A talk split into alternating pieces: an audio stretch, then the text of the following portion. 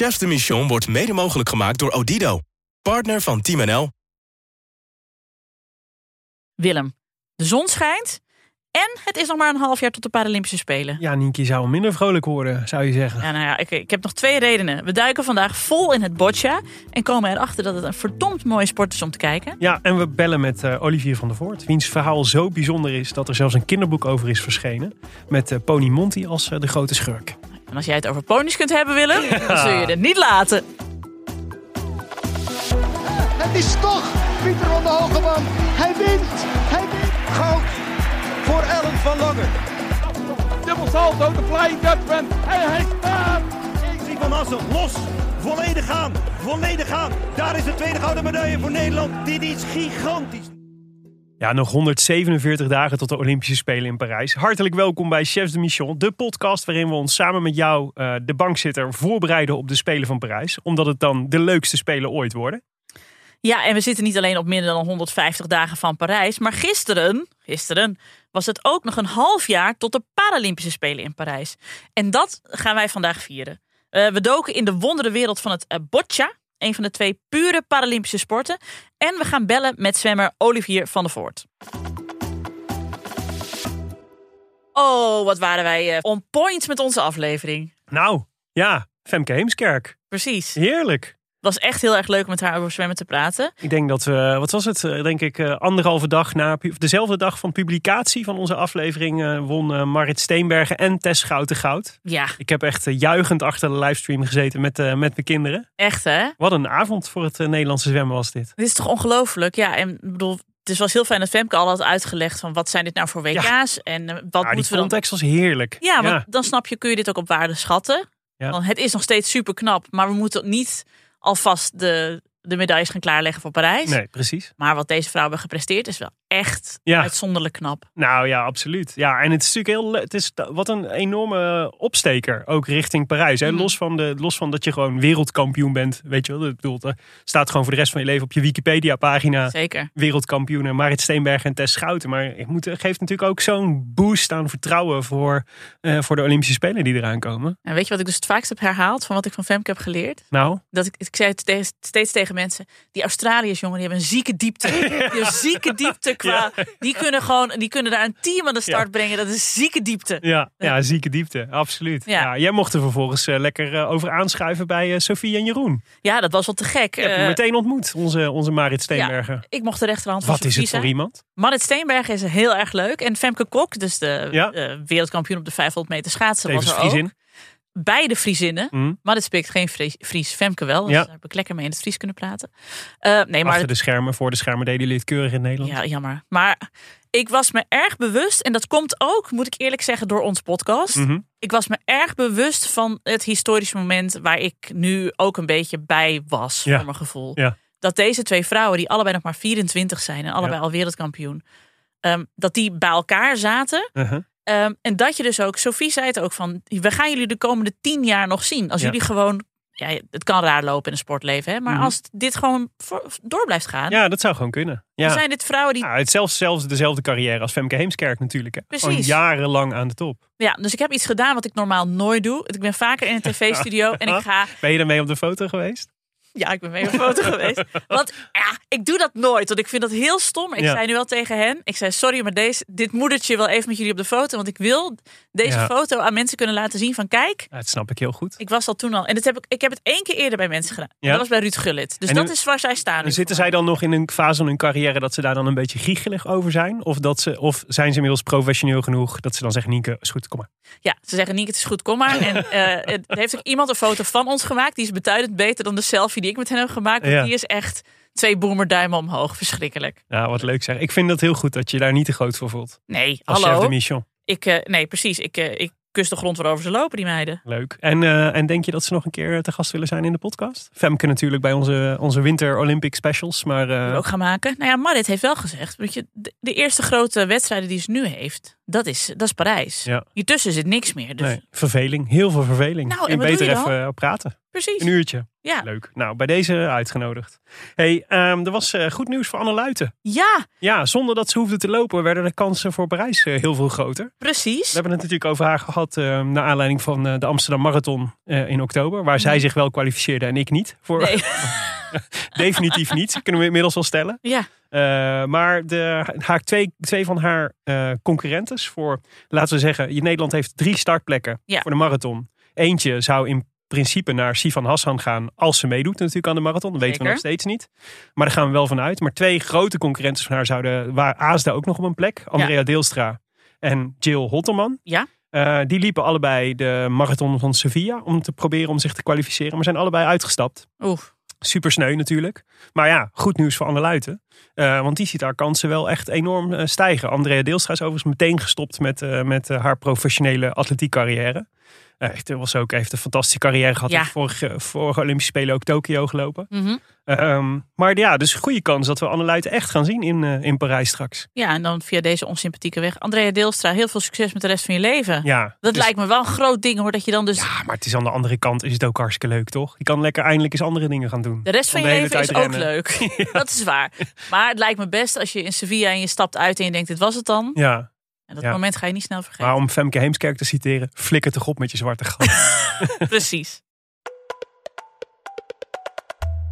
We hebben deze aflevering ook weer een sponsor. En dat zijn onze vrienden van NordVPN. Ja, nou, goh, die, die gebruik ik veel. Mhm. Ik moet zeggen dat ik heel lang eh, zat ik on the fence. Moet ik nou zo'n VPN of niet? En kwam er eigenlijk nooit. Het is echt zo'n typisch zo'n ding wat je dan, waar je altijd van denkt, oh, dat is handig. Maar de, ja, er is nooit echt urgentie, Nee, toch? Om dit te doen. ja, Zelfs als behalve, als, Je wachtwoorden aanpassen en zo. Ja, behalve als je een Olympische podcast hebt. Precies, ja. En, en, eh, en nu zie ik echt alleen nog maar voordelen. Dus ik, bijvoorbeeld afgelopen zaterdag was ik eh, het Omloop het Nieuwsblad aan het kijken. Ja, de opening van het wielerseizoen. Ja, Eh, dat moet dan. En tegelijk moest ik de, de, de logeerkamer een beetje opruimen. En daar staat geen televisie. Dus toen dacht ik, mooi, dan kan ik op mijn, op mijn telefoon kijken. Dat gaat dus niet, want dat is dan moet je Sporza, de livestream, moet je, moet je, moet je in België wonen. mhm. Tenzij je hem dus op België zet met je VPN. Heerlijk. NordVPN. Ja, ik voelde me zo luxe. Het was het even, je klikt even België aan en plop, daar is de livestream. Fantastisch. Ja, de techniek staat voor niks. Ja, want dat is dus wat NordVPN doet. Het geeft je veilig toegang tot je, al je favoriete streams en, eh, eh, en content, waar ter wereld je ook bent. Of dat nou Azerbeidzjan is of Zanzibar, maakt helemaal geen donder uit. Kies maar. Ja, je verandert je virtuele locatie eenvoudig om toegang te krijgen tot apps en eh, websites in andere Ja, landen. zal ik het live even doen? Waar ga je? Italië zit ik nu. Oh, buongiorno. en nu zit ik in oh, Nederland. Oh, hallo Wim. Ja, I'm back. Ja, ja en het is, ook nog, eh, het is ook nog echt handig voor als je in een land woont waar, eh, dat, misschien hebben wij luisteraars in landen waar de censuur nogal eh, eh, heftig is, zeg maar, van Mhm. Ja. eh, de journalistiek. Eh, je krijgt dus ook toegang tot sociale media en andere diensten die niet beschikbaar zijn in jouw land vanwege censuur. Ja, precies. Nou, super handig. Als je nu ehm eh, het NoordVPN wil nemen, eh, een NoordVPN-plan, zoals dat dan heet, Mhm. eh, dan profiteer je van onze exclusieve NoordVPN-deal. Deal. Eh, namelijk, eh, je krijgt eh, sowieso dikke korting. Mhm. Altijd dikke korting, maar ook nog eens vier maanden gratis op noordvpn.com slash chefs de mission. Ja, en je kunt dat gewoon eh, zonder risico proberen. Want als je binnen 30 dagen zegt: Ik vind het niks, ik wil mijn geld terug, dan krijg je je geld terug. Geen seconde over nagedacht Ah, dat, dat ik, dat dit moet doen. Dat doet helemaal niemand, joh.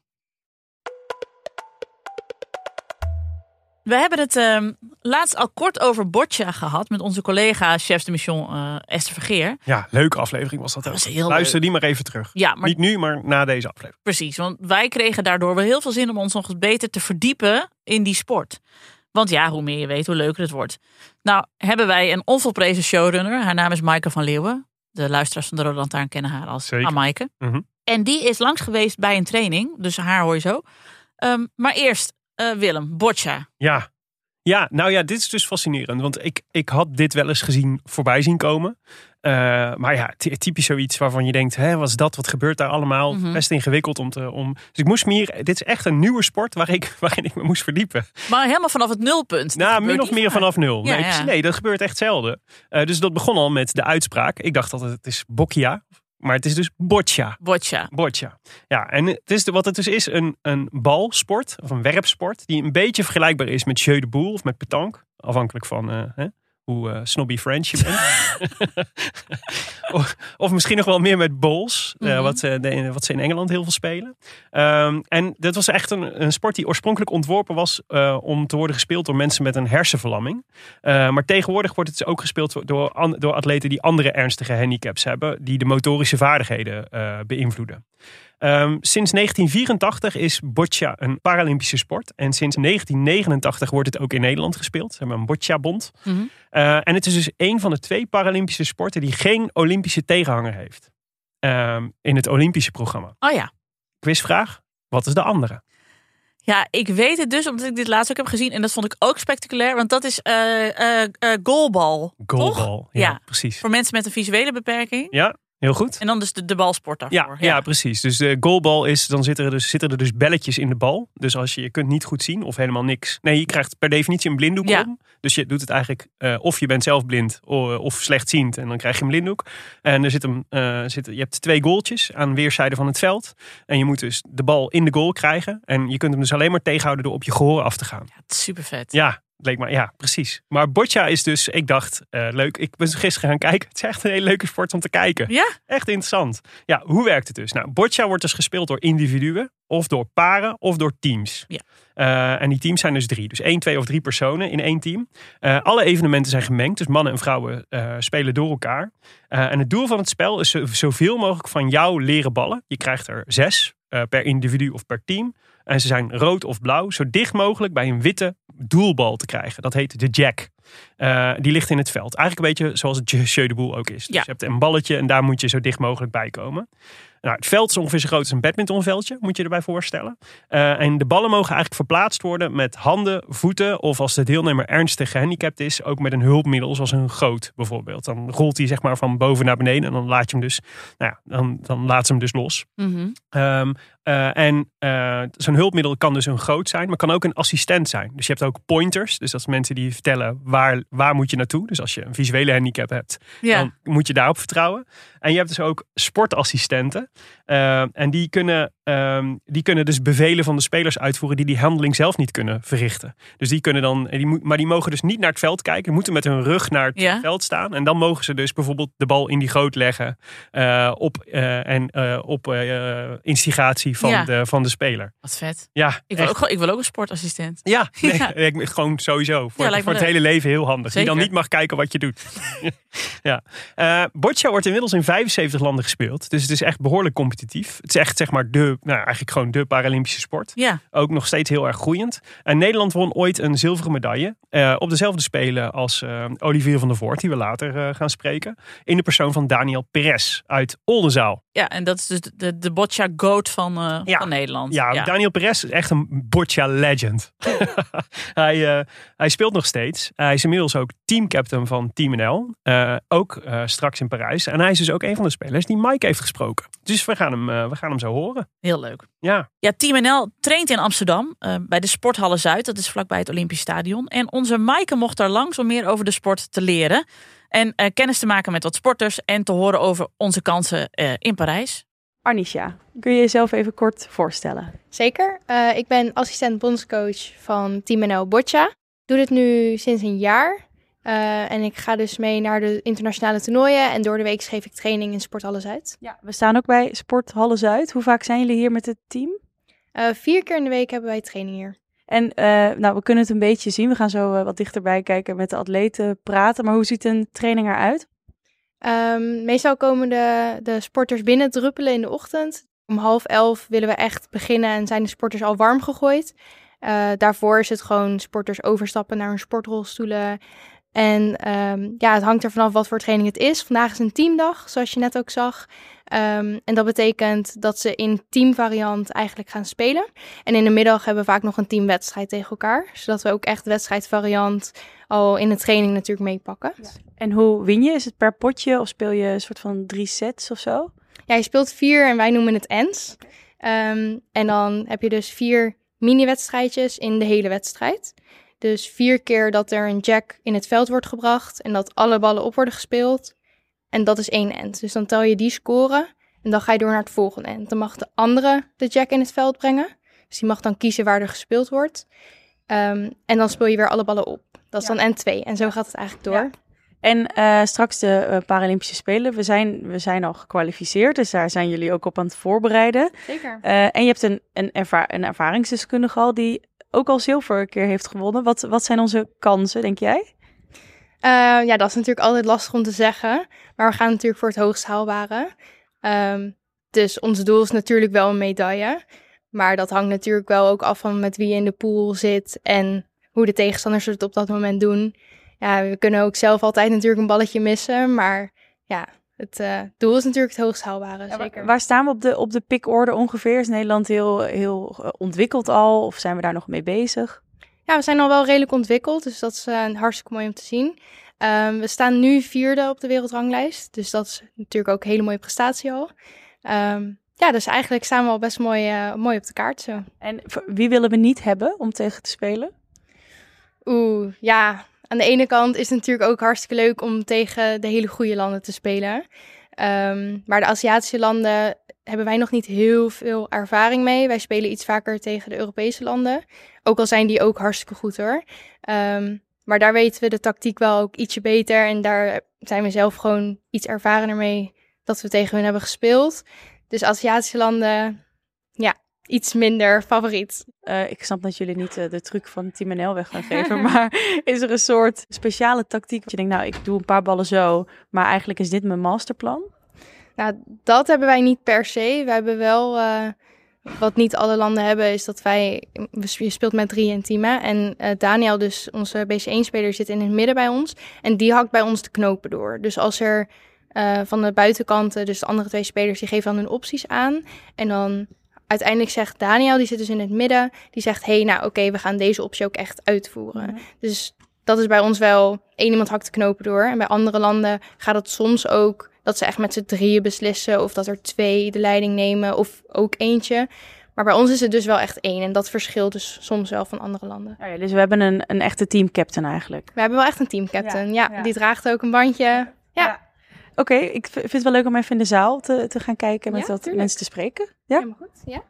Ja, eh, hartstikke interessant. Het, Ja, het klinkt als, een, eh, als een, een, een sport waar je gewoon heel erg, een hele tactische sport lijkt het me. nou dat verraste mij ook. Want ik zat dus, eh, ik zat dus een, een boccia-wedstrijd te kijken gisteren. Of een, een aantal boccia-wedstrijden. En naast dat ik er meteen heel erg fanatiek van werd. ik zat een wedstrijd te kijken van die, die, eh, die Daniel Perez, zeg maar. Die, eh, die, en die was tegen, eh, tegen een Braziliaan aan het spelen. Ik dacht alleen maar, kill hem, kill hem. Tijd. Ja, maak hem af. Dus eh, dat, dat is op zich een goed teken als, je dat, als dat gevoel je opwekt. ja, ja, ja.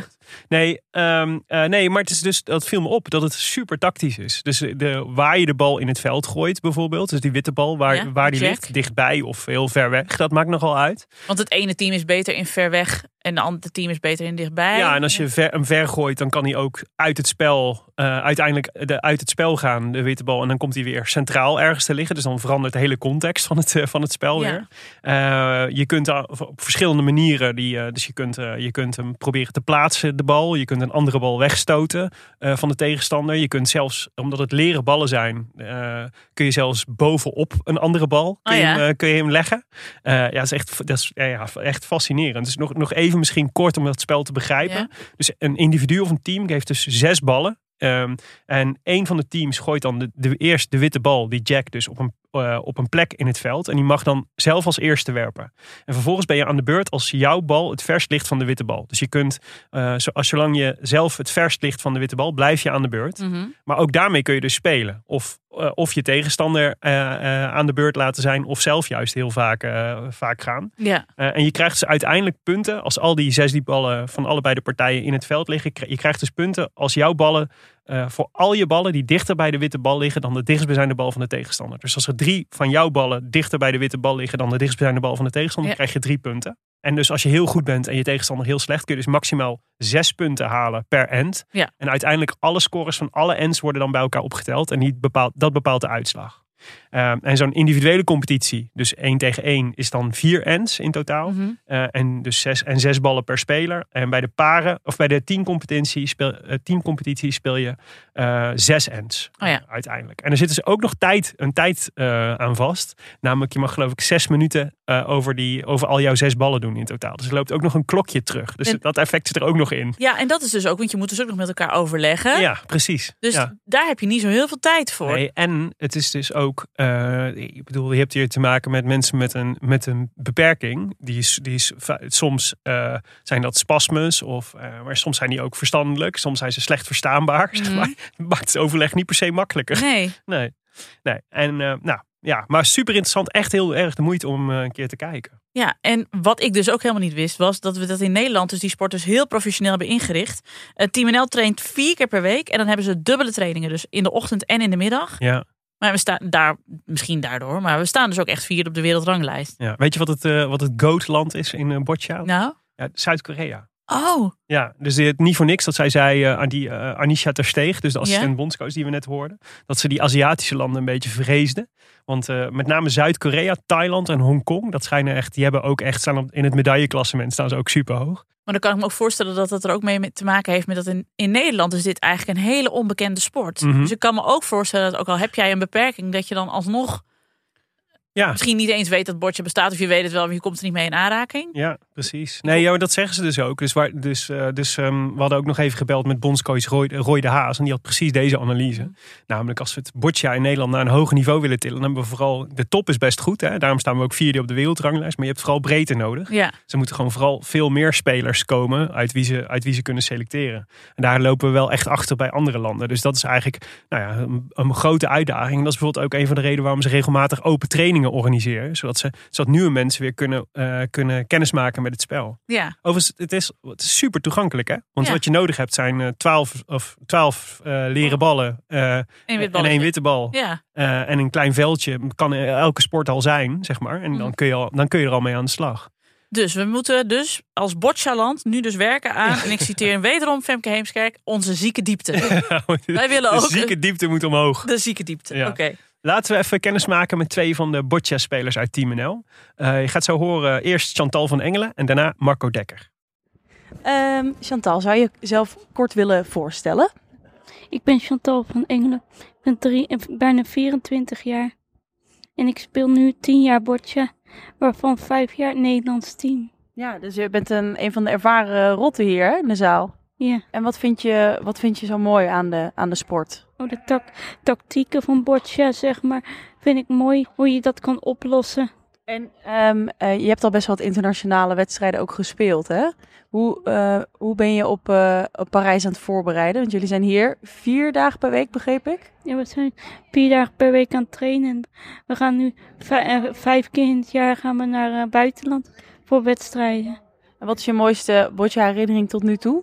Oh, eh, vorig jaar augustus in ehm, Rotterdam de eh Europara Championships. Omdat ik eh, eerste ben geworden en gelijk geclassificeerd voor de Paralympische Spelen. Ja. En Parijs lijkt me ook wel spannend, toch? Om naartoe te gaan. Ik, vind, en wel, ik heb gezonde spanning omdat het mijn eerste Paralympische Spelen is. Ja. ja. En ehm, eh, zijn jullie al helemaal klaar ervoor? De, het team wordt nog een beetje samengesteld, begreep ik. Maar jij gaat sowieso. Ik ga sowieso, want ik ben de enige vrouw in het team. Maar ook gewoon dat je hartstikke goed bent, toch? Ja, ik, ben, ik sta vijfde op de wereldranglijst. En wat is je, wat is je specialiteit? Oh, ik, eh, ik heet de machine, zeg maar, omdat ik altijd maar koelbloedig doorga met spelen. Oké, dus als het, als het er op, eh, eh, op het heetst van de strijd straks in Parijs, dan kunnen we, kunnen we op jou rekenen. Jazeker. Ja. En, en wat, hoop je, wat hoop je te behalen daar? Nou, ik hoop natuurlijk, ik hoop goud natuurlijk te winnen. Ik hoop een medaille te winnen. Maar meedoen is al een hele prestatie. Ja, het lijkt me echt geweldig om daar te zijn. En dat tussen allemaal andere eh, sporters, toch? Ja, zeker. Ja. Oké, heel veel succes Chantal. Ga ik nog even Ja. naar de training kijken. Goed. Eh, de witte, oh ja, de witste jack. Is er een, wat is het speelveld? Eh, de blauwe lijnen. De blauwe lijnen. Dus tot, tot waar jij staat? Nog eentje verder. Oh, wow. Ja. En wie bepaalt dan, moet je om en om gooien of is, het, is dat ook tactiek wie de bal gaat gooien? Eh, dat mag dus bij ons. Dani mag Ja. dus kiezen wie er gaat gooien. Alleen het is natuurlijk wel als er rood dichterbij ligt, dan is dus het blauwe team aan de beurt. Ja, ja, pre- buiten ja blauw. precies. Dan moet je Dat weer op de wel. tegenstander wachten. Ja, Ja. ja. en dan moet je dus ook naar achter in het vak om hun de ruimte te geven. Ja, ja, En dan als zij weer klaar zijn, dan wissel je gewoon. ja. En dit is best wel, dit is wel dichterbij. Ja. Maar ehm, Marco gooit hem net heel ver weg. Ja, klopt. Wat, wat, wat wissel je daar continu in af? Of? Nou, je hebt dus eigenlijk vaak per team wel je eigen tactiek. Ehm, dus wij spelen het liefst voorin omdat wij daar best wel sterk zijn. Maar ons plan B, dus als de tegenstander ook heel goed voorin speelt, heb je wel een plan B nodig. Ehm, dan gaan wij naar het achterveld toe, omdat dat best wel lastig is. Ehm, dus daar trainen wij ook veel op. Ja. Maar dat is wel ja, een lastige plek. Ja, dus het liefst speel je gewoon op je eigen plekje lekker voorin. Althans wij lekker voorin. Oké. En je had nu best een tactisch voordeel omdat je de laatste twee ballen mocht spelen. Probeer je daar dan ook op uit te komen meestal? Of? Zeker, ja, je probeert echt eerst de tegenstander op te spelen, zodat je zelf ballen overhoudt. En dan kan je dus nog echt iets openknallen om ruimte te creëren en daar ballen in te plaatsen. Ja, dat dus is daar- eigenlijk onze tactiek. Dus ja. daarom was de woord van Chantal net ook behoorlijk hard, bijvoorbeeld. Ja. Om proberen het weer open te breken. ja, ze probeerden een bal weg te halen, zodat iemand anders weer ergens anders bij kon. Ja. Eigenlijk. Dus de lijn van iemand uit je eigen team weer vrijmaken, zodat die weer naar de jack toe kan. Ja, ja. Oké, helder. Mooi. Marco, dit worden jouw eerste spelen. Eh, ja. Niet zeker, maar de kans is wel heel groot aanwezig dat ik daar mag spelen. Mm, Dit wordt mijn eerste spelen. Ik vind het wel een beetje spannend, want ja, ik ben er nog nooit geweest en nu door het Europese kampioenschap te winnen met mijn team samen en dat de kans eerder is dan ik had verwacht, dat is wel heel bijzonder. Ja, voor het EK wist je het nog niet zo goed. En nu denk je, oh, Nee. misschien ga ik wel gewoon naar Parijs en daar met mijn team naartoe. Ja, dat is heel goed. Ja. En ehm, hoe ben je in de sport beland? Eh, via de Johan Cruijff Foundation. Vier jaar geleden ben ik gescout door eh, Joep, de toenmalige bondcoach toen. En die zei, Marco, we zien potentie om jou beter te worden in, in de sport. Toen ben ik het ook gaan doen. Kun je eens vertellen wat je zo leuk vindt aan de sport? Mm, Dat je zeg maar het spel beter gaat begrijpen. Een beetje ballen gooien kon ik wel, maar het mentale stuk wat erbij komt kijken vind ik ook interessant. En om daar beter in te worden. Ja. En wat is jouw specialiteit? Waar ben je bijzonder goed in? Eh, ik kan heel hard open spelen. Zeg maar vooral ballen wegkaatsen. En daar ben ik heel sterk in. Dus als er veel ballen liggen, dan gooi jij een bal en dan maak je het spel weer open. Ehm, bijna wel, ja. Bijna meestal wel. Ja. Oké, nou, eh, dankjewel en heel veel succes. Ja, want dat mag dus ook dat je dus eh, dat al heel veel ballen rondom de jack liggen en dat je dan Mhm. met één knalbal zeg maar Ja. al die ballen weer aan de kant schuift, zodat het hele spel weer totaal anders ligt. Ja, ja, precies. Ja, dus je moet ook voortdurend bedenken hoeveel ballen je nog over hebt om dat dan te doen, zeg maar. Ja, netjes. Ja, heel cool. Overigens, ik heet de machine omdat ik altijd koelbloedig doorga met spelen. Die mag ook wel op een tegeltje nienken. Echt een hele goede bijnaam. En ik zag dus dat ze allemaal bijnamen hebben. Want eh, eh, Marco, die we hoorden, die wordt dus de Story genoemd. Oh Ik ja? ben dus heel benieuwd waarom. Dus eh, Marco Dekker, als je wilt vertellen waarom je de Story heet, ik Ja. ben erg benieuwd. Ja, precies. Ja, en Daniel Perez, ja, de, de GOAT, die hadden we zelf natuurlijk al, eh, die hadden we natuurlijk zelf al gedaan. Ja, die gaat dus zeker naar Parijs. En net zoals Chantal de Machine. Ja, Ehm, en maar- Marco Dekker is groot kanshebber. Ja. Ja, nou wat ons betreft eh, meteen sturen, toch? Zeker, zeker. Ja. Nou, echt wel leuk ook om hen eens te horen over die tactieken en zo. En het, is, het is, ja, nou, het, wat ik al zei, het is echt interessant om eens een wedstrijdje te, op te zoeken op YouTube. Want dan zie je ook hoeveel erbij komt kijken. Mhm. Eh, en inderdaad, hoe groot het verschil het is. Ook bijvoorbeeld hoe ze die bal gooien of trappen. Of inderdaad met zo'n groot. Ja, dat maakt, maakt natuurlijk ook nog wel wat uit. Ja, Sommige, ik, nou ja, ik zat gisteren dus die wedstrijd van Marco tegen die Braziliaan te kijken. Die Braziliaan die deed het dan met zijn voet. oh ja. Die, maar hij was ook dan, eh, had ook een handicap aan zijn voet. Maar het, ja, bizar dat je dan, dat je aan de ene kant zeg maar last hebt dus van die spasmus en een onwillig been. Ja. En aan de andere kant super precies bent met waar je die bal heen trapt. Het is echt zo fascinerend. Ja, en het lijkt me ook wel lastig. Dat, zij had het ook al over het mentale deel. Want ehm, kijk, als je het bijvoorbeeld hebt over zwemmen, dan is Ja. het gewoon, jij traint zelf heel goed. En dan doe jij Ja. het beste wat je kan, zeg maar, in dat, in dat bad. En dan hoop je dat je eerste wordt. Mhm. Maar hier is het dus zo dat je Je kunt die eerste vijf ballen perfect gooien. En je Ja. ligt perfect in de wedstrijd. En dan Ja. komt er één bal van de tegenstander die alles overhoop gooit. Ja, En dan moet je dus, je moet de hele tijd schakelen met wat wordt nu onze tactiek? Wat gaan we nu doen? Dat, dat lijkt me heel ingewikkeld. ja, ja, precies. En je hebt inderdaad nog te maken met de tegenstander die ook die dus heel onvoorspelbaar is. Dus Mhm. zeker als ze het dan over die Aziatische landen hebben, waar ze dus eigenlijk nooit tegen spelen. Nee, Ja, god weet hoe die bordje, hoe die bordje aanvliegen. ja Je precies. kunt misschien, eh, ja, je, ja, ze zullen ook wel eh, wedstrijdjes opzoeken op YouTube en kijken hoe dat gaat. Of Ja. misschien wel een keer een scout erheen te sturen om te kijken wat hun tactieken zijn Ja, waar je op kunt oefenen. Ja, Fascinerend. Ja, laten we nog even teruggaan naar de sporthal. Ja. Want we, eh, de GOAT zelf, Daniel Perez, hebben we natuurlijk nog niet gesproken.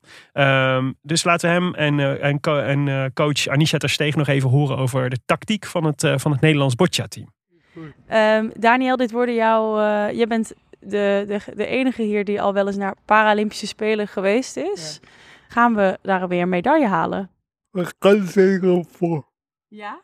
En ik heb begrepen van Anisha dat jij de, de tactiek bepaalt. Wat, wat vind je het leukste om te spelen? Is dat dan hier voor in het veld of verder, verder achter? Voor En is dat dan tactischer? even mijn keus. Veel meer keus. Oh ja, je hebt veel meer keuze als je voorin speelt. Want achterin is het gewoon vooral ver en Ja. proberen dat hij nog ergens komt. Ja, achterin wordt het een soort van een trechter. En dan is het echt gewoon inderdaad wat Daan zegt, mikken. Dus gewoon één puntje waar je soort hopen dat je wat raakt, zeg maar. Ja. Terwijl voorin heb je dan veel meer ook de hoeken van de zijkanten waar je iets mee kan doen. Mijn keus. Ja, dus dan kun je bijvoorbeeld zeggen: Oké, we gaan nu vanaf links spelen. Of we doen een verrassingsaanval vanaf rechts. Zoiets. Ja, oh wat vet. Ja. En even nog een vraag voor Arnisha. Als we straks gaan zitten kijken. Ehm, heb je een soort van tip voor kijkers thuis hoe ze dan beter de sport kunnen begrijpen? Wat er gebeurt? Oeh, ehm, ja, van tevoren gewoon het principe van wie is er wanneer aan de beurt. Dat is natuurlijk wel een heel belangrijk iets om überhaupt een end of een hele wedstrijd te kunnen volgen. Ehm, en het scorebord bij de hand houden, dat helpt vaak ook wel. Normaal bij wedstrijden hebben we gewoon een groot computerscherm, wat eigenlijk gewoon live de score en ook de tijd bijhoudt. Want je hebt een bepaalde tijd waarin al je ballen gegooid moeten zijn. Alle ballen. Alle Wat is de tijd? Zes minuten voor team. Oh, wow. Ja. Oh, er zit een tijddruk op dat jij al die beslissingen moet gaan nemen Ja. straks, Daniel. Maar daar kun je wel mee omgaan, denk ik. Ja, ja. Oké, ehm, nou heel veel succes in Parijs. We gaan, eh, we gaan kijken thuis. Dankjewel. Ja, dankjewel. Eh Anisha, is er nog iets wat jij kwijt wil over de, over de sport of wat ik gemist heb, waarvan je denkt dat moeten mensen echt weten? Ehm, nou, het is vooral niet een hele bekende sport. Ehm, en op het eerste oog lijkt het misschien een beetje vlak, alsof er niet heel veel diepgang in zit. Maar als je eenmaal echt de sport leert kennen, dan blijken er heel veel tactieken en veel meer achter alleen een balletje gooien te zijn. Dus dat vind ik wel heel mooi. En het zou heel mooi zijn als andere mensen dat ook gaan zien. En voor- dus wij zeggen altijd hoe meer je weet, hoe leuker het is om naar te kijken. Dat geldt zeker dus ook voor Bosja. Precies, Ja. absoluut. Ja, Ja. zeker weten. Oké, nou heel erg bedankt voor de tijd en heel veel succes met trainen ook. Ga ik nog even kijken hoe, eh, hoe je gooit. ja. Ja, als je, als je eenmaal de sport leert kennen, dan zie je een hoop meer tactiek. Ja. Eh, en als je de sport al zo lang doet, zoals eh, Daniel Perez, dan, dan weet je dus ook al die tactieken. Dus ik Mhm. kan me heel goed voorstellen hoe prettig het moet zijn om zo iemand in je team te hebben. Ja, Die gewoon die sport al jarenlang op topniveau speelt. En die denk ik elke situatie wel heeft gezien. En dus ook weet wat hij dan, om welke situatie die, eh, hoe die moet handelen. ja, iemand die supersnel kan schakelen en ook weet hoe het is om onder die druk te moeten presteren. Ja. Ja, zeker. Eh, het start van het boccia-toernooi in Parijs is dus eh, morgen, precies over een half jaar. Dus de dag na de openingsceremonie is het, eh, starten we al met het, met het boccia-toernooi. Dus ik hoop dat we al deze drie Nederlandse boccia-spelers daar glorieus zien presteren. En dan kunnen wij zeggen, wij wisten het een half jaar geleden al. Ja, wij hebben nog eh, bindend volgadvies. Wie zou je nu al moeten volgen voor meer kijkplezier in Parijs? Eh, Willem, wie hebben we deze week? Nou, ehm, Olivier van der Voort. Had jij al wel eens van hem gehoord? Vind je het leuk dat dat rijmt? ja, wel een beetje. Ik wil graag meer weten over Olivier van der Voort. Vertel. Olivier van der Voort is dus een eh, Paralympisch zwemmer met een heel bijzonder verhaal. Ehm, zoals al die Paralympiërs natuurlijk bijzondere verhalen hebben. Ehm, voor Van der Voort is het verhaal dat hij, eh, toen hij elf was, eh, eh, was hij op vakantie in Appelscha. Jou niet onbekend. Waren we niet allemaal dan op vakantie in Appelscha? Ooit inderdaad? op vakantie in Appelscha. Ja. Maar bij Olivier ging, het, ging die vakantie een beetje mis. Namelijk, hij raakte betrokken bij een ongeluk met een pony genaamd Monty. Eh, die sloeg op hol, terwijl eh, eh, Van der Voort er nog aan hing. Dus hij zat met zijn been verstrikt in het, eh, in, eh, nou ja, in het span van, het, van de pony, zeg maar. En hoe oud was hij toen? Elf. Elf. Elf jaar oud. En hij werd echt een kwartier lang meegesleept door die pony die op hol geslagen werd. Dus door de bossen, door het veld, eh, over de weg. En uiteindelijk belandde hij dus in het Canadameer, bij Appelscha. En over de, eerst over de weg en toen over helemaal over het fietspad. Je komt overal tegenaan. Ja. Hoe gaat dat? Nou, dat probeerde ik ook echt, echt zo omhoog te houden en al die dingen ontwijken. Wat moest je ontwijken? Nou, al die bomen en die palen. Wat knap van jou, dat kon jij zien? Ja, nee, ik, Dus zag het, ik zag het soms een beetje doorheen. Dus Want je hing aan de achterkant, hè? ja, toen ben ik kopje onder gegaan. En eh, dat was toen, ben ik de hele tijd probeerde ik echt omhoog te komen om, de, om te ademen. Maar soms dan lukte dat niet. Toen zat ik echt te diep. Ongelooflijk hoe je dat gedaan hebt. Mhm. Want dan zit je heel diep in het water, maar ja, je moet ademhalen. Ja, dus, dan probeerde ik echt met mijn andere been zo te trappelen. Dus om om omhoog te komen. En dat lukte? Ja, soms dan lukte dat wel, maar je, je zit wel vast hè. Dus dat is wel moeilijk. Omstanders kunnen hem dus redden uit het water. Eh, en hij balanceert in het ziekenhuis echt eh, twee weken lang op het randje van de dood. Maar herstelt wonderwel. Het enige is dat hij door zijn ongeluk eh, zijn linkerbeen kwijtraakt. Maar de knie zit in ieder geval nog op, dus dat is nog wel goed. Denk je dat je later weer kunt sporten? Ja, dat denk ik wel. Want je kan alles met een kunstbeen. Deze fragmenten komen trouwens van eh, jouw geliefde Omroep Friesland. Ja. eh, uit 2009. Eh, dus echt net nadat het gebeurd was. Heel bijzonder dat ze dat toen, eh, dat ze- het was toen kennelijk nieuwswaardig genoeg om die jongen even op te zoeken. En maar leuk wat hij al zegt hè, over, over dat je met een, met een prothese alles kan. Eh, en dat klopt, want zeven jaar later debuteerde eh, Van der Voort dus op de Paralympische Spelen van Rio in 2016. Daar zwom hij meerdere afstanden, maar waaronder de 100 meter rugslag. En dat was echt samen met de 200 meter rugslag zijn eh, afstand. En hij won daar zilver achter de Oekraïner Maxim Kripak. Ehm, hij zwom trouwens in de S10-klasse. Leuk. Leuk hè? Dus, eh, die is voor mensen die de diepte graag ingaan. Ja, voor mensen die het gevoel hebben dat hun droom niet uitkomt. En wel eens bang zijn dat het altijd zo blijft. nee. Ehm, ze, daar, de S10 staat voor, eh, daar, daar zwem- zwemmen sporters met een minimale handicap. Zoals bijvoorbeeld een ontbrekende handfunctie of een voetamputatie. Mhm. Eh, of zo heet dat dan een significante beperking aan de heup. Ja. Maar dat zilver voelde voor Van der Voort in 2016 toch vooral ook echt als goud verliezen. Want hij zwom in dat jaar ook de wereldrecords op de 100 en 200 meter rugslag. Die volgens mij zelfs nog steeds staan in zijn categorie. Eh, en we gingen, mochten even met hem bellen. Hallo?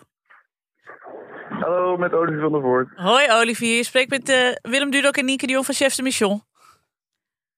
Hallo, hoi Hi. hoi. Hi, bellen we je gelegen? Jazeker. Oh, gelukkig, gelukkig. Hoe, eh, hoe gaat het met je?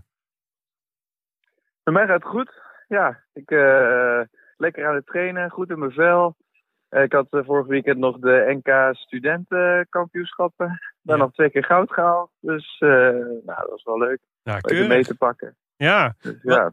Hey, wat bijzonder. Ik, was, ik had natuurlijk de, de Olympische Spelen, de Paralympische Spelen in Rio natuurlijk wel een beetje gevolgd. Maar ik was je daarna een beetje uit het oog verloren. Maar dat is niet zo gek, want je Ja. was gewoon gestopt met zwemmen, begreep ik. Ja, klopt. Ik, ja, ik had zeven, acht jaar topsport gedaan. En toen dacht ik, ja, er zit ook nog wel, wel iets meer eh, dan alleen maar topsport. En eh, ik ben toch een beetje uit die bubbel gegaan. En toen eh, richting, eh, richting de studie Ja. eh, ja, opgegaan. En uiteindelijk eh, een studie in, eh, ja, in de food science, levensmiddelentechnologie eh, gedaan. En, dat- en dat was ook Ja. interessant. Ja, ja, dat was ook eh, best wel leuk. Ja, dat is eigenlijk eh, best wel tof, omdat je dan toch ook bezig bent met, ja, met, met topsport ben je ook bezig met voeding. En eh, zorg je er eigenlijk voor eh, om eh, ja, de beste versie van jezelf te zijn.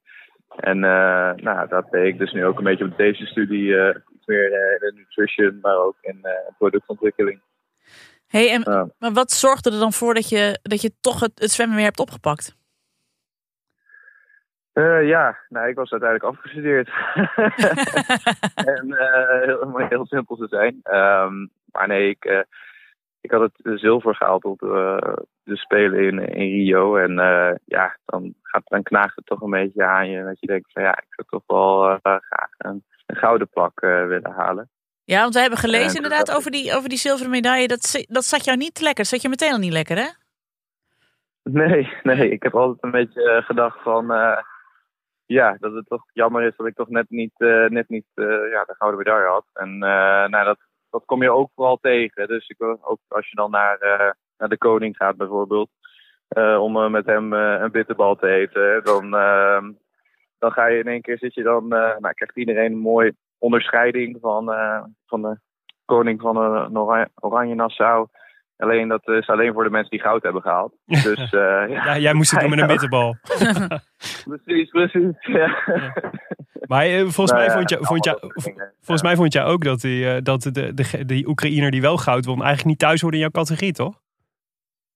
Ja, klopt. Ja, ik vond het ook een beetje, ja, dat heeft natuurlijk ook een beetje vergeten aan mijn motivatie. Ja. Ik dacht van dat wordt, is toch jammer. eh, een, een ma- een man die eerst meedeed, ook gewoon met de E- Europese kampioenschappen van de valide. Mhm. En eh, ja, die eigenlijk gewoon in één keer uit het niks kwam en eh, ja, supergoed zwom.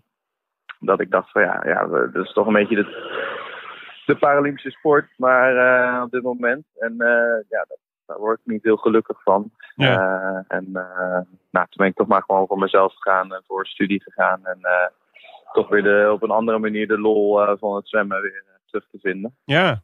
Maar wat Ja. fijn, fijn dat het gelukt is. Maar je, je zit nu dus gewoon weer helemaal in het eh, topsportregime.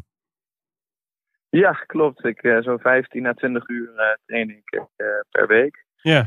Nou, het is best vrij intensief, want daarnaast werk ik ook nog 36 uur. Eh, dus ja, nee, ik heb het weer goed te pakken op deze manier. Ja. Maar vond je dat niet, niet lastig? Ik kan me voorstellen dat als je er een paar jaar uit bent geweest en je hebt eh, geproefd van dat, van dat andere leven, is het dan juist eh, makkelijker om weer in het regime te komen of moeilijker? Ehm, ja, de- ja, alle twee heeft het zijn, eh, zijn kanten. Want aan de andere kant denk je, ja, ik heb het nu even geproefd en ik weet wat ik mis.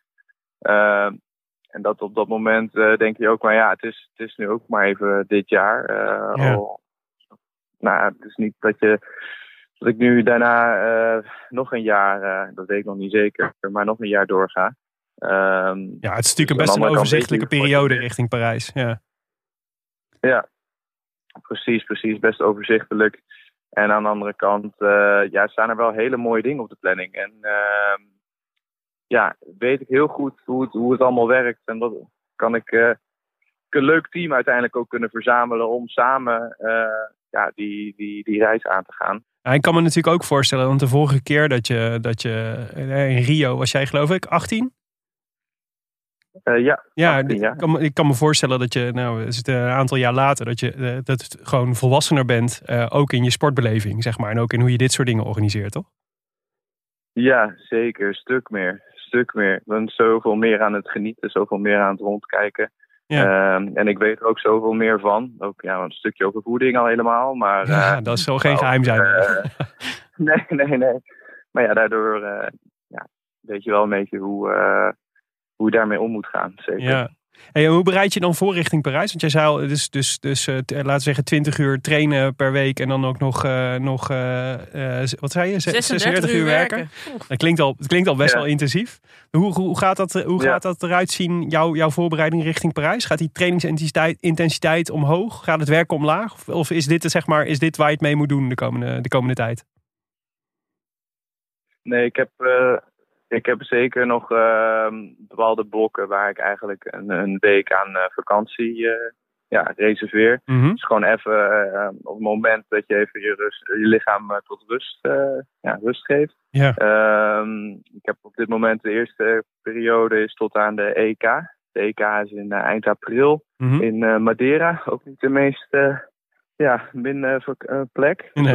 Dus nou, het wordt, ehm, wordt erg spannend. Dan heb ik een periode rust. En dan ehm, wordt het weer een hele grote eh, lange blok aan training.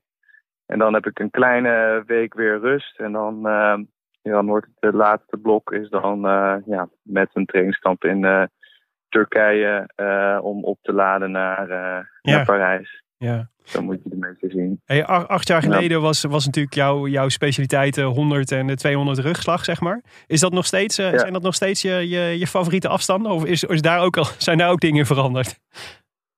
Nee, nee, nee. Ik ben zeker nog steeds een eh, rugslagzwemmer. Ja. Ehm, ik ben alleen wel iets korter gegaan. Dus eh, dat is denk ik ook een stukje leeftijd Mhm. die erbij komt kijken. Geen, Ehm, geen zin meer in die 200. Ja, geen- in minder zin die 200, ja zeker. En ehm, ja, eh, dus ik ben nu vooral gefocust op de, de 100 meter rug, Ja. rugslag. Mhm. En de 200 meter rugslag, eh, ja, is misschien iets voor, eh, voor de toekomst. Ja, mooi hoor. En voor welke, voor welke afstanden ben je, ben je gekwalificeerd voor Parijs? Alleen voor de 100 meter rugslag voor nu. En eh, straks hebben we de EK en dan heb ik nog wat momenten om te gaan kijken of er nog een andere afstand tussen zit. En eh, waarschijnlijk eh, wordt het een 200 eh, wisselslag. Oh, en ja. misschien nog een estafette met, eh, met ons team. Ja. Te gek. Leuk hoor. Nederland. Hey, en, en voor die Ja, 100, is dat wel moet, cool. Ja. die, die 100, dat moet dus de grote revanche worden. Hoe, hoe schat je je kansen in? Dat is, eh, ja, toen, dat, dat, was- toen in Rio had ik ook, eh, schat ik mijn kans vrij hoog in. Maar eh, ben Was ik ook niet zo gek natuurlijk. Nee, nee. Dus ik ben echt nog steeds dat ik denk, ik kan alle kanten op. Het kan alle kanten op. Het is, je het duurt nog 180 dagen of zoiets. En eh, nou, die ene dag, eh, misschien ben ik 90% van die dagen ben ik eigenlijk nummer 1 van de wereld. En net die ene dag niet. Ja. Ja, dan, eh, ja, dan lig je eronder. En eh, ja, ik ben toch liever... ik schat mijn kans vrij hoog in, maar je weet het nooit. Want heb je, heb je echt al kunnen meten met, met zeg maar de top op jouw onderdeel? Ja, nou ja, op, op, eh, alleen maar eh, via afstand. Hè. Ja. Dus gewoon eh, kijken tijd, naar ja. tijden die, eh, ja, Ja. die anderen zwemmen. Mhm. En, en zo zie ik het ook wel een beetje. Mijn concurrent is dan ook wel echt eh, de tijd. Ja. Eh, mijn eigen persoonlijke record. Ehm, mijn concurrent is de 18-jarige jongen, zo moet je het maar een beetje zien van toen. Mhm. Ja. Eh, die, die, die wil ik graag eh, verbeteren. Ja. Ja. En kom je daar al in de buurt bij, eh, bij wat die kon? Daar kom ik steeds dichter in de buurt, zeker. Ik heb nu dan een, eh, nu afgelopen weekend een eh 59-8 gezwommen. Ja. Nou, niet getaperd, vol, eh, nou, vanochtend nog een training gehad. Eh, nou ja, dat was dus een vrij goede, goede tijd. En ik moet naar de 58. Ja. Nou, eigenlijk moet ik naar de 57 in die end. Want ik wil nog ja, het persoonlijk record verbeteren. Ja. Dus we komen er wel dichterbij. En ik ben ook een stuk sterker dan, dan ik toen was. Dus Nu, nu- Ja, nu nog hopen dat er niet, eh, niet een stiekem Oekraïner mee komt doen. nee, nee dat, daar moeten we vooral mee, eh, mee uit, uitkijken, zeker. Leuk. Tof man. Nou, we gaan je volgen Olivier. Superleuk dat we even konden bellen. Ja, super. Dankjewel. Nee, leuk dat ik even in de uitzending eh, mocht komen. Ja, ja tof. heel tof. We gaan je volgen op Instagram. Thanks. Succes! Super. Doeg. Hey, fijne dag. Olivier had het dus over die Oekraïner die dus eh, ineens meedeed op zijn eh, onderdeel in Rio. Ja. Dat is dus, ja, wij verdiepen ons er nu een beetje in de Paralympische Spelen. Maar dat Mhm. is een van de dingen bij de Paralympische Spelen waar vaak discussie over is. Ja. Van dat mensen die dan misschien net te goed zijn of net niet Ja. invalide genoeg, zal ik het zo zeggen. Ja, dat zeg je goed. eh, die dan wel mee mogen doen aan de Paralympische Spelen. En daarmee dus echt een, een ongezonde voorsprong hebben op mensen Ja. die wel echt minder valide sporters zijn. Ja, maar kijk, deels, kijk, bij, ehm, kijk, hij is zijn onderbeen kwijt. Dus vrij evident, zeg Ja. maar, dat hij, dat, hij, dat hij mee mag doen aan de Paralympische Spelen. Maar zij net al, die categorie S10. Dus dat is ook een significante beperking aan de heup. Ja. Ja, ja, ja, nou, ja, ik bedoel, dat is natuurlijk gradueel. Dus dat Ja. is al veel ingewikkelder. Wanneer is het significant genoeg om, om mee te Nou, ik mogen zit doen? dus na. Het is een vriendin van mij die heel goed kan sporten. Die heeft een kunstheup. Mag Ja. zij dan al meedoen? Nou ja, dat, is een, dat lijkt me een significante beperking. Ja. Ja. Het Nee, doen. maar dat is, dat is Ja. denk ik wat er speelt in zijn, in zijn categorie. Ja. Ja, Nienke, nog een, eh, nog een leuk feitje. Ja? Er is dus ook een kinderboek verschenen over het leven van Olivier. Oh, We hebben al van verschillende luisteraars die, eh, die dat al met hun kinderen hadden gelezen en die daar heel erg van hadden genoten, die het ons ook tipten. Kampioen heet het, het boek van Corine Oranje. Eh, dus misschien moeten we dat ook eens proberen. bij onze nageslacht. Ja, Goed precies. idee. Ja. We hadden ook nog eh, post van onze luisteraars. Bijvoorbeeld van Marco Dorst. Ja, zegt, eh, ja, had eh, kritiek op mijn rekenmachine. ja, hij zei 5084 medailles. Ja. Keer 18 gram Eiffeltoren is geen 900 kilogram, Willem. Ja, die, die Casio gaat ook al 35 jaar mee. Niet. Sint. Logisch, logisch dat hij een keer foutje maakt. Ja, Ja, nee, ik had, ik had de komma had ik, had ik verkeerd geplaatst. Want eh 5084 keer 18 gram Eiffeltoren is natuurlijk 91,5 kilo. Ja. En niet 915 kilo. nou ja, maar je ziet ook wel aan hoe wiskundig ik onderlegd ben dat ik eh, geen idee had of Dat dit jij gewoon accepteert. Oh, echt? Ja, Oh, vul. Zo. Ja. Ja. ja. waar gaan we naar kijken dit weekend, Willem? Nou, ehm, ja, ik, eh, ik kijk al heel lang uit naar het WK Indoor Atletiek. Ja, ehm, ik weet niet of je het, eh, het NK Indoor nog had gezien in Apeldoorn. Ja. Beelden daarvan. Ja, het, het blijft toch fenom... Ja, ik heb, we hebben dit, het blijft de constant in de podcast. Ah, ja. We zijn ook gewoon een, een Femcable Appreciation podcast uiteindelijk. Maar het blijft toch een feest om naar die vrouw te kijken. Ja, en het ziet er zo gemakkelijk uit en het gaat zo relaxed. En Ja. Alsof ze zelf dan ook zo frek. Oh, weer een wereld, eh, wereldrecord. Het is zo ongelooflijk. Ja, Ja. echt ongelooflijk. En nou ja, eh, vanaf vrijdag is dus het WK Indoor Atletiek in Glasgow. Eh een van de, nou ja, laten we zeggen, het doel voor het voorjaar voor, eh voor Femke Bol. En voor Lieke Klaver natuurlijk, Mhm. onze andere wereldster. Maar bijvoorbeeld ook voor Kate Chacedo, eh, over wie we het in onze aflevering over de 100 meter sprint hadden gehad. De nieuwe Nelly Koman of de nieuwe Daphne Schippers, Ja. zo je wil. Die gaat daar ook, die gaat daar ook rennen. Eh, dus dat is wel echt wel heel leuk om te volgen. Volgens mij, eh, eh, ik weet niet helemaal precies waar het, waar het uitgezonden wordt, maar ik vermoed gewoon bij de NOS. Want zo'n groot evenement is het wel. En jij? Ah, het is natuurlijk heel lekker. We, kunnen het nu al zeggen, we zitten hier met wielrenners onder elkaar. Ja, Het is gewoon fijn dat het seizoen weer begonnen is. zeker. Ze hebben dit weekend de start van de Strade, of de Strade Bianchi Ja. en de start van Parijs-Nice. Ja, Parijs tegen Nice, zoals Astrid Kersenboom altijd zegt. Oh ja.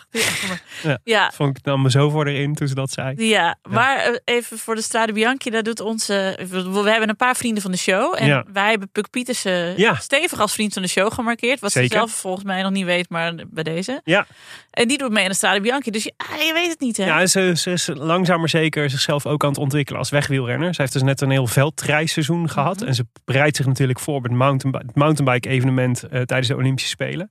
Eh, maar ze was dus afgelopen weekend Ja. ook al, zat ze ook al in de Omloop het Nieuwsblad. eh, In- in de kopgroep. In die fantastische finale. Die oud-Olympisch kampioen Marianne Vos won.